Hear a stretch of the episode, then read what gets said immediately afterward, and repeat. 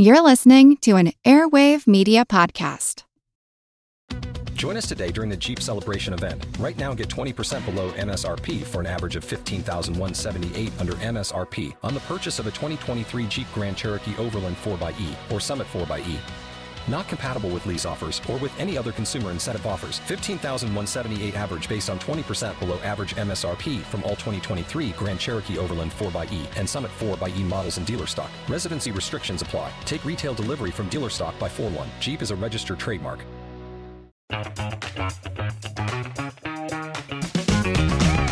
Hey there, I'm Dylan Lewis, one of the hosts of Motley Fool Money. Each weekday on Motley Fool Money, we talk through the business news you need to know and the stories moving stocks on Wall Street. On weekends, we dive into the industries shaping tomorrow and host the experts, authors, and executives that understand them.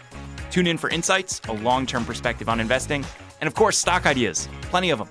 To quote a listener, it pays to listen. Check us out and subscribe wherever you listen to podcasts.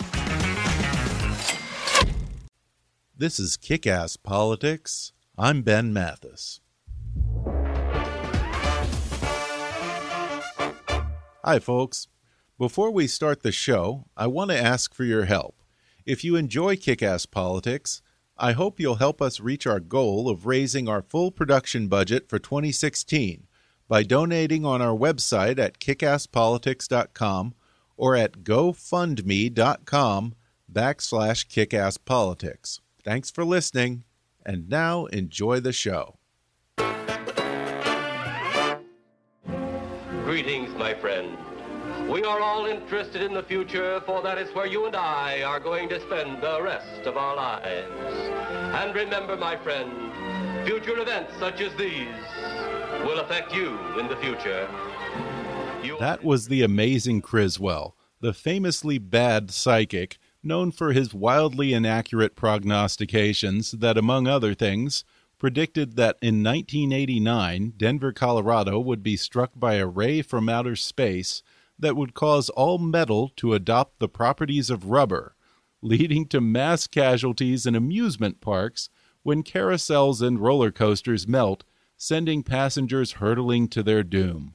He also divined that an outburst of mass cannibalism would terrorize the people of Pennsylvania in the year 1980, and the very first interplanetary convention would be held in Las Vegas in 1990, with citizens from Mars, Venus, Neptune, and the Moon in full representation. He said humans will go extinct in 1990 when we all suffocate to death due to a mysterious black rainbow that draws all of the oxygen from our atmosphere. Oh, and the U.S. Capitol? It's going to relocate from Washington to Wichita, Kansas. But he was right about one thing. We are all interested in the future. And today, in part two of my interview with theoretical physicist and futurist Dr. Michio Kaku, we'll focus on the near future and the real innovations in science and technology that will radically change every aspect of our daily lives within the next 50 years. And very few people know what the future holds better than Dr. Michio Kaku, who spends much of his time lecturing and writing on the future of science. He's the author of eight books and three New York Times bestsellers, including Physics of the Impossible, a scientific exploration into the world of phasers, force fields, teleportation, and time travel. Physics of the Future How Science Will Shape Human Destiny and Our Daily Lives by the Year 2100, and his most recent book, The Future of the Mind The Scientific Quest to Understand, Enhance, and Empower the Mind. He's appeared on hundreds of television programs, and he's a science contributor on CBS This Morning.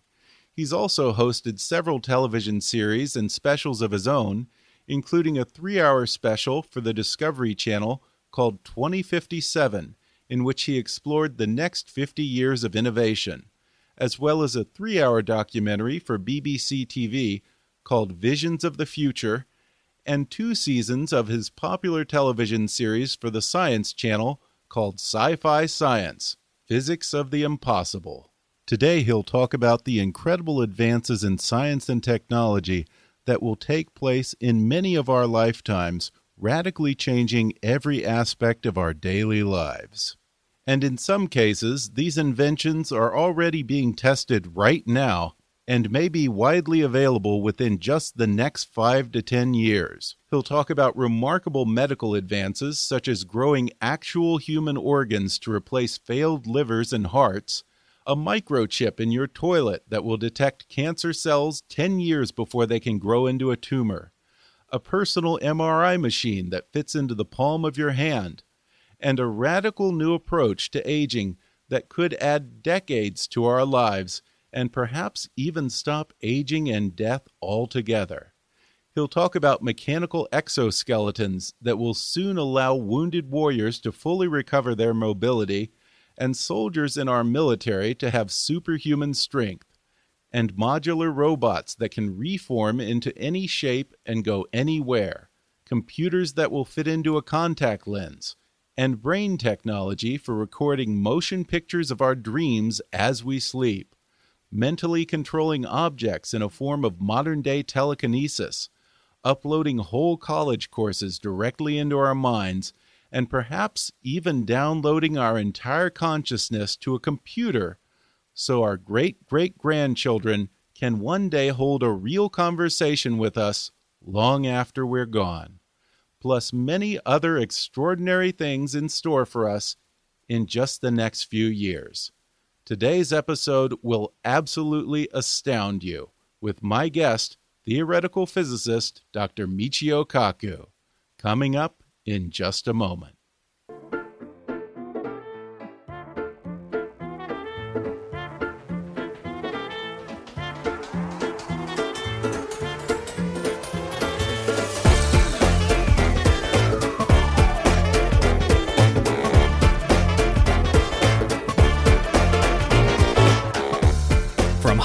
To Washington, it's time for Kick Ass Politics.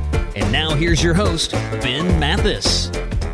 My guest today is theoretical physicist Professor Michio Kaku. He's also the author of three New York Times bestsellers. He's an acclaimed public speaker, renowned futurist, and popularizer of science. Professor Michio Kaku, thank you for sitting down to talk to me. Glad to be on your show. I want to talk about perhaps things that are a little bit more relevant to us, the living right now, in the here and now, um, stuff that may be possible within the next few decades. You say there are three words that will disappear from our language in the next few decades computers, traffic accidents, and tumors. Yeah, first of all, people live in horror of tumors because once a tumor is diagnosed as being cancerous, your life goes downhill very, very fast. However, in the future, we're going to have something called DNA chips inside your toilet. Your toilet will be intelligent. It'll pick up enzymes from cancer genes, cancer cells, cancer colonies, maybe, just maybe 10 years before a tumor forms. By the time you have a tumor, you have over 10 billion or so cancer cells festering inside your body, and it's been festering there for years and years. Why not nip it in the bud? When it's a hundred, a hundred cancerous cells in a colony years before the first symptoms arise. Now we have these chips already. This is not science fiction. They're called wow. DNA chips and uh, liquid biopsies. That's the first impact that's going to be affecting millions of Americans in the next few years. Watch for it. Ask your doctor for liquid biopsies. That is, your bodily fluids that are then analyzed using these chips that can detect cancer cells, cancer enzymes, cancer genes. They're so good, for example, that one DNA chip can detect one cancer blood cell out of a billion.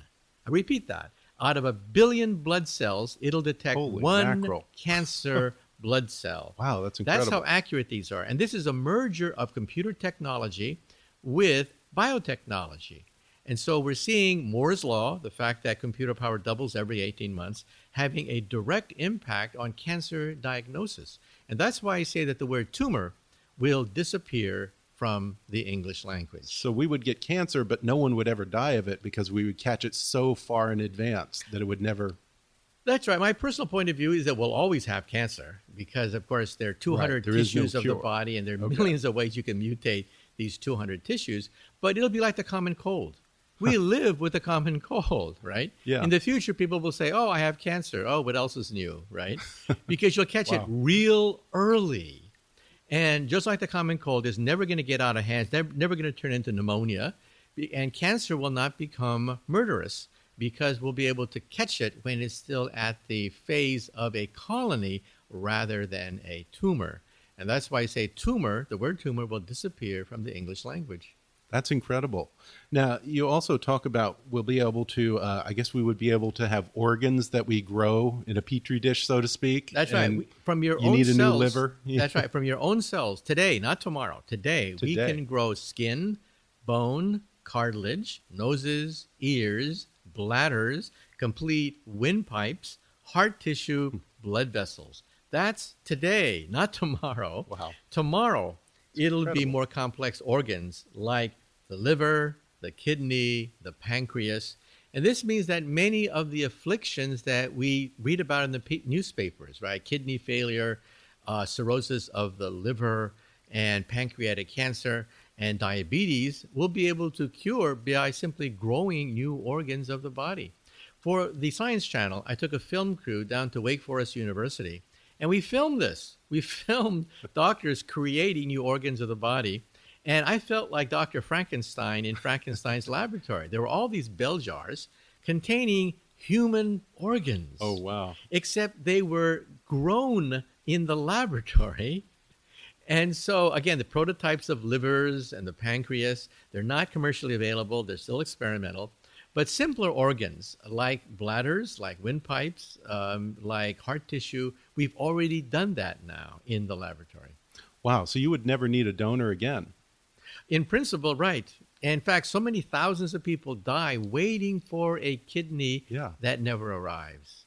And take a look at Mickey Mantle, the great Yankee baseball uh, star. Uh, he had cirrhosis of the liver. He was a hard drinking man, destroyed his liver, and created a national controversy. Who gets the liver, the famous and the rich, or, or somebody who's been waiting in line for years? So, okay. So we can basically do whatever we want to our bodies then.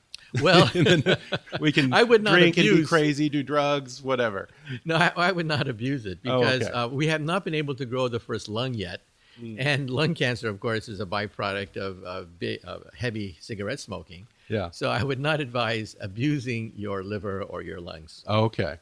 Well, you also say along those lines that we're pretty close to figuring out how to stop or dramatically slow down aging. Uh, what's the science behind that? Well, let me be blunt. We do not have the fountain of youth yet. We do not have the fountain of youth. However, once we say that, we are making incredible inroads into teasing apart the genetics and the mechanism of aging itself. What is aging? We didn't even know what aging was 10 years ago, but now we know what it is. It is the buildup of error. Hmm. That's what aging is the buildup of genetic error, cellular error, errors in the functioning of a cell. But take a look at a car, for example. Where does air build up in a car? Well, the engine, of course, right? Yeah. When the engine goes, the car goes, right? That's where you have the wear and tear, the engine. That's where combustion takes place. That's where you get carbon deposits. But you see the engine of the cell. What is the engine of the cell? It is the mitochondria. It is the engine where you get ATP, energy, coming from the cell. That's where aging takes place for the most part in a cell. We can actually see that. When we genetically sequence the genes of old people, compare it with the genes of young people, and math- mathematically see where the damage takes place, it takes place mainly in the mitochondria. Now, the mitochondria has cell repair mechanisms, but they also begin to wear down with time. So, one day in the future, we'll be able to crank up the cell repair mechanisms, which already exist, and repair the damage to the mitochondria and extend the lifespan. Of course, it'll be a combination of many therapies. Another therapy that's being looked at is caloric restriction. If I take an animal, any animal, from yeast, uh, from bugs to mice, cats, dogs, and now primates, and give them 30% less calories, they live 30% longer. You Really? take any animal on the planet Earth except one. Any animal on the planet Earth except one, you feed them 30% less, they live 30% longer. Wow. The one species Okay. which has not been subjected to this reproducible experiment is Homo sapiens, because we complain too much. Can you imagine eating thirty percent less? You'd Yeah. sue. You'd sue these people, right? Well, We're too it- cranky it and makes sense. and we bellyache too much. Yeah, but it makes sense because you know if you lose weight, if you don't eat a bunch of fatty stuff and you exercise, uh, well, this wouldn't be exercising. This would just just be restricting your calories. You don't have all that extra weight. The downside is if you analyze these animals who live longer, Yeah, they're miserable. they also are lethargic, slow, and they Huh. lose all interest in sex.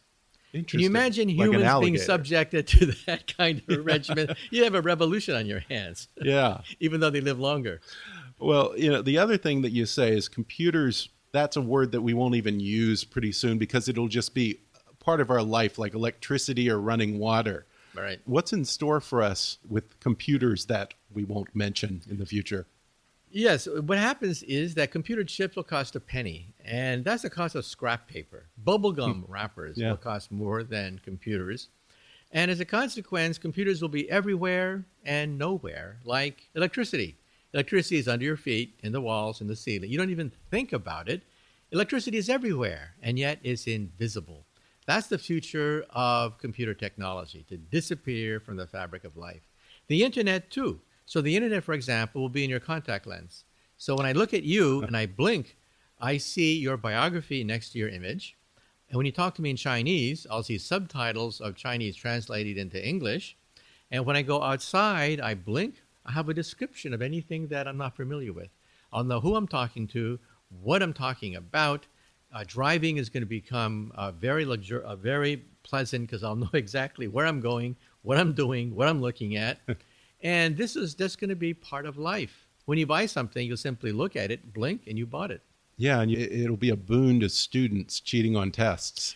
Yeah, this is going to revolutionize education because education is 90% memorization of stupid things you're going to forget anyway after the final exam. In the future, you'll have to learn concepts and principles because the periodic chart is there by blinking. All the answers to the parts of a flower, all the answers to the stupid questions you're going to forget anyway, are there by blinking. Education is going to be turned upside down when information is free and available and everywhere. We're going to have to stress concepts, principles, rather than simply memorizing the periodic chart of elements. which is probably better in general, anyways. That's right. You know, when I was a, uh, when I was young, uh, everyone had a slide rule, a slide rule on their hip. They were boasting, "Ah, "I'm a future engineer. I'm a future scientist. I have a slide rule." And I thought to myself, "Well, this is kind of stupid. A slide rule is a tool. That's all it is. Science is not about using tools so much. It's about understanding concepts and principles that make the world move. For example, learning biology is not learning the parts of a flower. It's learning evolution. It's how flowers evolve, how colors and shapes and forms are governed by survival of the fittest. That's biology. Yeah, and it, it- I'm fascinated by this idea of a contact lens. I think somewhere you said that even dating would be different because instead of Match.com or Tinder or whatever, we would be walking around with people's information. Our I pass a pretty girl, it would say whether she's available tonight. and all that. she would, That's they right. would put them, make themselves available online. Right. In fact, there's even a company I saw that has adopted that with Google Glasses. That when you walk down the street, you can make contact with other people who also have Google Glasses who are also subscribing to this same dating service. And so dating will simply be going outside and just making contact with people because your contact lens is attuned Wow. to other people's contact lenses, and you'll immediately know whether there's an attraction or not. That's unbelievable. Now, the blinking technology, how would I mean, how do you keep from accidentally you know, clicking on the wrong thing? or- First of all, you're going to have to have a controller in your hand. Okay. oh, okay. And so basically, the contact lens in your your eye is a screen. Just think of it as a computer screen, Okay. right? And you still have to have your fingers. Uh, eventually, you'll do it I mentally because you'll mentally control it with a Oh. chip in your brain. You'll mentally control the contact lens in your eye. But for the short term, you'll have a handheld device by which you can type, you can move the cursor inside your contact lens, and that's how you can control it. Eventually, we'll do it mentally because already we can take people who are totally paralyzed and give them the gift of mobility. When you saw the soccer games in Sao Paulo, Brazil, mm-hmm. the opening shot was a totally paralyzed person who had a chip in his brain inserted at Duke University, and he kicked the football with an exoskeleton straight out of Iron Man comics. This is today, not t- not tomorrow. We already have Iron Man exoskeletons, complements of the United States military, Right, Which has dumped over 150 million dollars so that our wounded warriors from Iraq and Afghanistan can have the gift of mobility, even with a paralyzing spinal cord injury.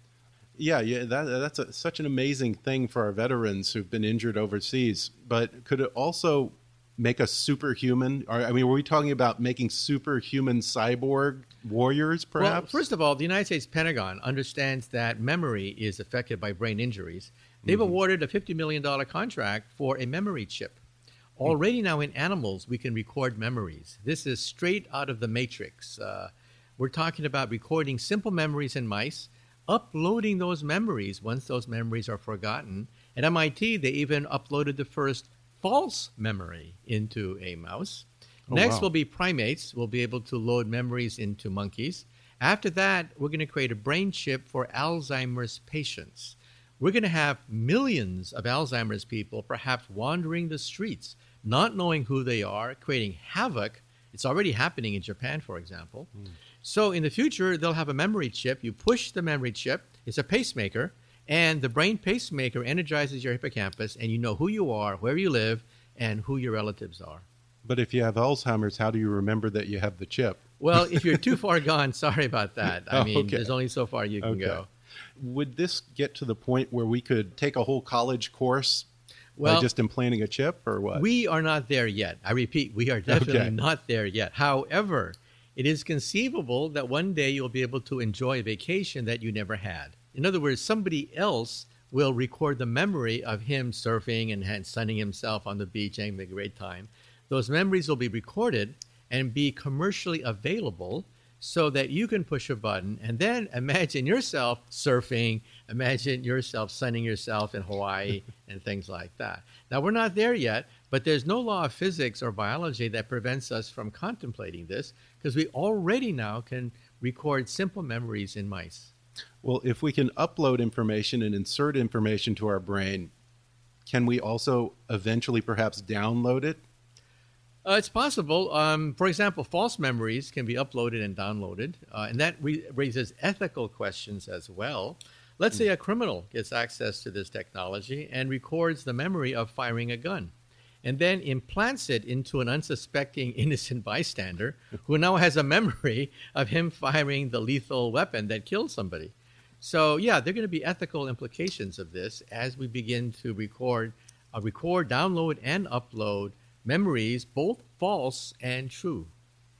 Um, essentially, then, I guess you've said that we could uh, download our consciousness to a disk, and in theory, we could exist forever. Yeah, this Even after is, we're dead. Yeah, this is something that people have talked about who work on the Connectome project. The Connectome project has been funded to a billion dollars this year by the European Union and by Barack Obama, and we want to basically have a complete map of the entire brain, a complete map. And that map, of course, would contain our memories, our sensations, our emotions, basically the essence of our soul contained inside a, a disk. And then we can create a library, a library of souls. So instead of going to the library to read about Winston Churchill, why not go to the library and talk to him? Why not have a library which has all the informations of what he looked like, how his body moved, his favorite expressions, his memories, so you could go to the library and chat with him? In fact, I wouldn't mind talking to Albert Einstein. I wouldn't mind talking to a computer program that analyzes all his thought patterns and understands how he was led to his great theories. And maybe you will be able to have a conversation with your great, great, great, great, great granddaughter years after you're dead and have a conversation with your descendants because all your memory circuits are preserved inside a computer. That's incredible. So it wouldn't just necessarily be data, memories, but would it act? Could you actually have that person? In other words, their personality and If you have the right. memory circuits of the human brain, in principle, the memory circuits would react to any kind of stimulus. So if you were to tell a joke, the connectome would then re- either laugh or not laugh, just like you would either laugh or not laugh upon hearing that very same joke. Now, again, we are decades away from doing this. I don't want to get people to think that we're going to do this anytime soon. But I think by the end of the century, it is conceivable that we will have the connectome, we will have the essence of our humanity on a disc, and you will live forever. Well, we'll take a quick break, and then I'll be back with more with Dr. Michio Kaku. Back in just a moment. If you're enjoying my conversation with Professor Michio Kaku, then you'll love his books Physics of the Future and The Future of the Mind. And right now, you can download the audio version of those books for free with a special promotion for our listeners from audible.com. Just go to audibletrial.com backslash kickasspolitics for a free 30-day trial and a free audiobook download, which can be Physics of the Future, The Future of the Mind, or a number of other books by my guest today, Dr. Michio Kaku, plus any of Audible's 180,000 titles. That's audibletrial.com backslash kickasspolitics. Or click on the sponsor link on our webpage to download the free audiobook of your choice. And now, back to the show. We're back, and I'm talking with Professor Michio Kaku. Um, I feel like artificial intelligence and robots in the 80s, you know, that everyone was talking about. You know, we were going to have this Jetsons like lifestyle with a robot butler and everything. And then it kind of went dark. And in the past five years, every day it seems that there's some kind of new headline about artificial intelligence and robots. And when you watch the media, it sounds like it's so much closer than we really are. You say that we're really not that close to being able to have robot butlers. Yeah, well, yes and no. Uh, because of Moore's Law, we are galloping ahead. A new breakthrough is being made. Just last week, uh, Google's DeepMind was able to beat a world champion in the Asian game of Go, which is much more complicated than chess. So we can now create robots that can beat any human in any of the classical games. However, you cannot go to DeepMind, slap it on its back, and say, Congratulations, you just won this tremendously historic debate. In fact, the computer has no self awareness. It doesn't even know that it's a machine. It doesn't know that it won a game. It doesn't even know what a game is. It's an adding machine, a very sophisticated adding machine that can actually learn Ones a little bit. zeros. But we forget the fact it's an adding machine. Now, do you go to your calculator and have a nervous breakdown saying, "Oh my God, you can calculate faster than me. I'm obsolete. Your my calculator that I held in my hold in my hand is much better at adding than me." Well, of course you don't, because that's all it can do. It's a one-trick pony. It can add. Now, that doesn't mean that in the future we might not have robots as smart as us. I'm just saying that we are many, many decades away from that. Our most advanced robot is called Asimo, built in Japan by the Honda Corporation. It can run, walk, climb upstairs, dance. It even dances much better than me. I've been on with Asimo several times, but I interviewed the inventor of Asimo and I asked him how smart is the world's smartest robot. And he was very honest. He said that his creation, the smartest robot on earth, has the intelligence of an insect. Even a bug can manipulate, run around, jump, hide, find mates, find food Right. much more efficiently than Asimo, which can basically run, walk, jump. Now, this has practical implications for the Fukushima disaster in Japan. Hmm. The United States military sponsors challenges. They created the internet. It was not Al Gore. The internet was created by the United States Pentagon in the form of DARPANET. Next, they want to create a robot challenge that can clean up the Fukushima disaster. It's the ideal place to Yeah. showcase artificial intelligence. Think of that. Billions of people would applaud the makers of robots if we could clean up the mess at Fukushima. The test was a robot has to drive a car, get out of the car, sweep the floor, turn a valve. Every entry pretty failed except one. Go to the internet, look up the DARPA challenge, and you'll see these robots getting out of the car, falling over. One by one, they fall over. They reach for the broom, they fall over. They reach for the tur- the bow, they fall over. Now, again, I'm not saying that one day we won't have perfect robots. I'm just saying that we are many decades away from achieving the ability of a cockroach to maneuver in three dimensions.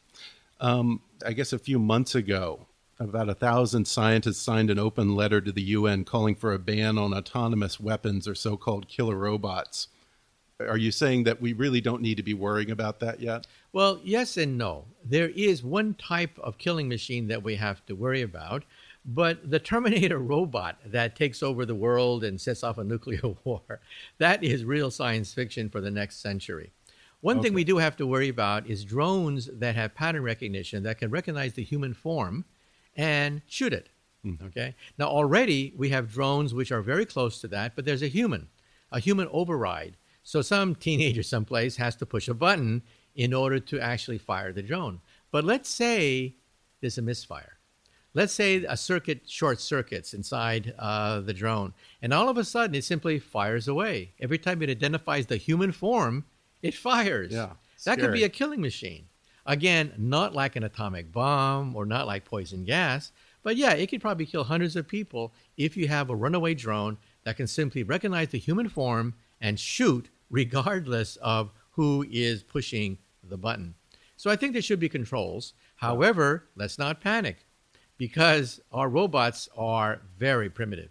As the former director of the MIT Artificial Intelligence Laboratory once said, the probability of a robot that can think walking out of the laboratory today is the same as the probability that a hurricane will create a B 47 jetliner from scratch. Yeah, and you know, one of the things that's interesting to me is that you know we're so stuck in this narrow idea of humanoid robots, robots that would look like us.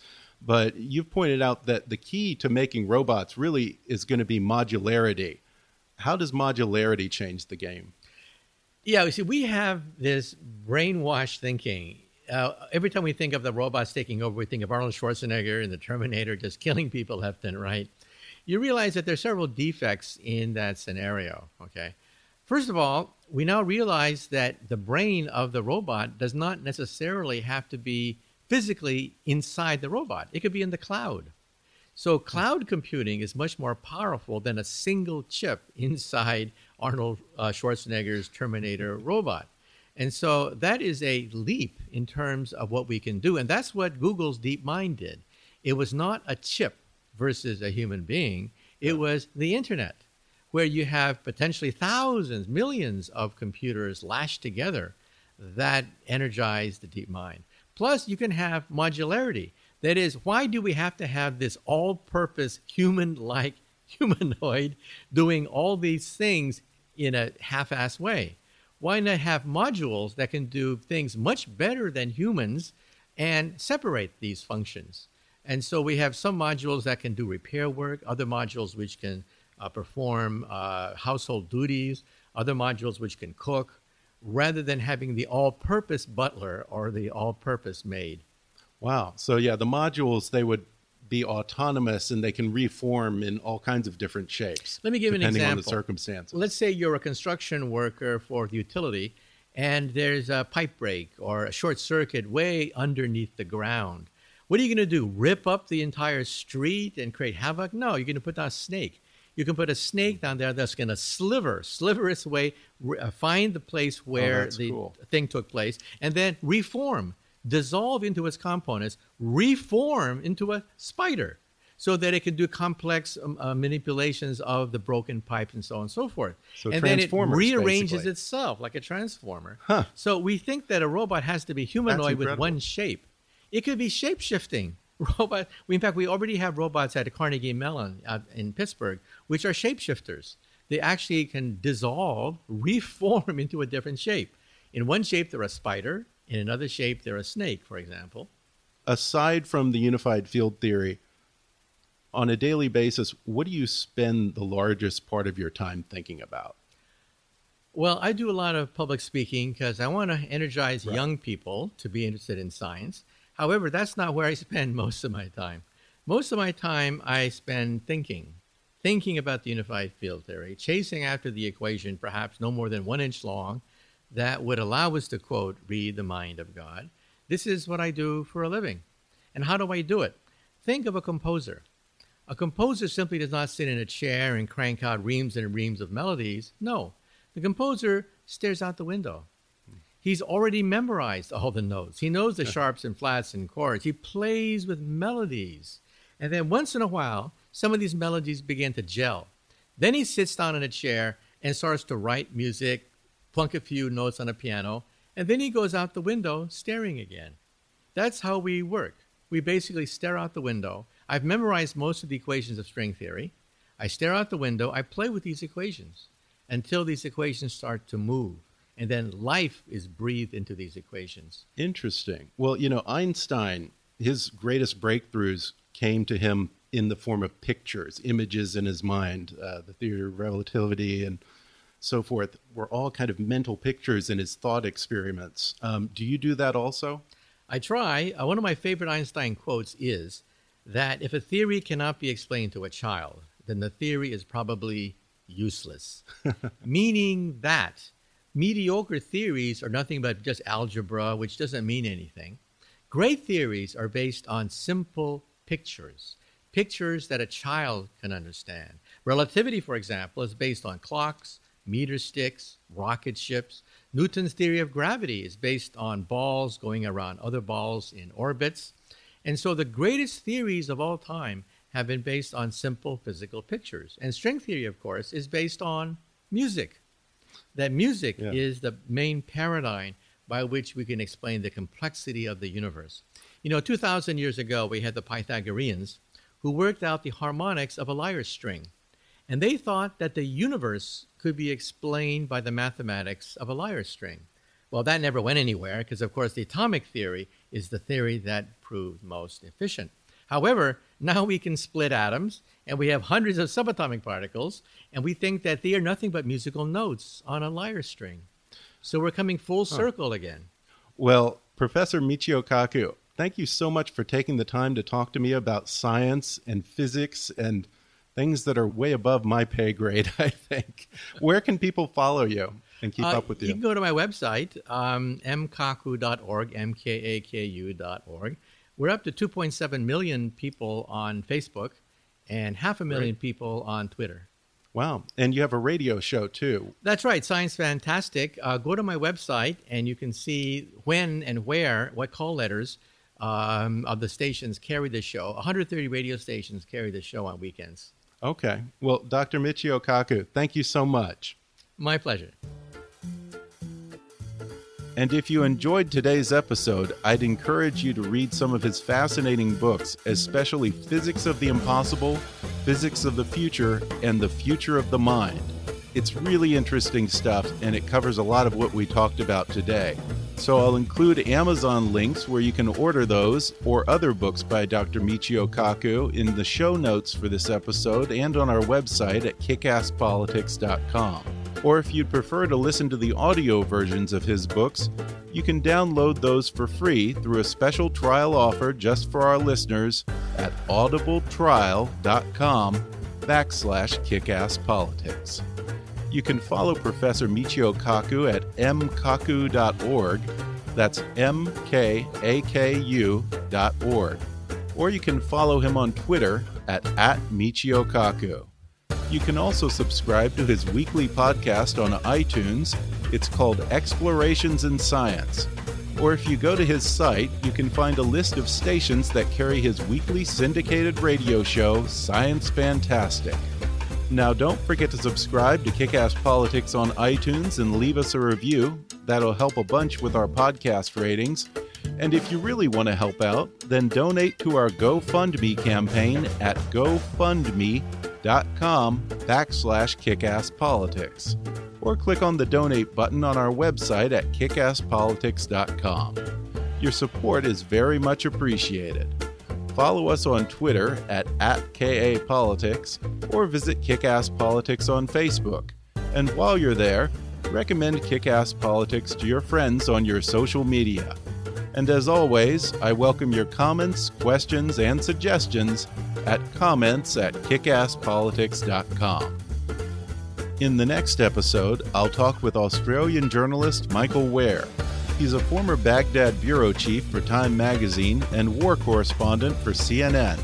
In 2003, Michael Ware arrived in Baghdad as a novice reporter on a three week assignment to cover the invasion of Iraq. He left seven years later, having gained unprecedented access to the Iraqi insurgency and American troops, and scarred by having seen the unimaginable brutality of the group that eventually became ISIS. Now his story is told in a new documentary for HBO called Only the Dead See the End of the War from two time Oscar winning director Bill Guttentag. Michael Ware will talk about the shocking violence of the Iraqi insurgency, the time he was kidnapped and nearly executed by agents of Abu Musab al Zarqawi. Plus, he'll talk about the front row seat he had for the birth of Al Qaeda in Iraq and its transformation into the modern day terrorist nation state called ISIS. Coming up with my guest, war correspondent Michael Ware, on the next podcast. But for now, I'm Ben Mathis, and thanks for listening to Kick Ass Politics.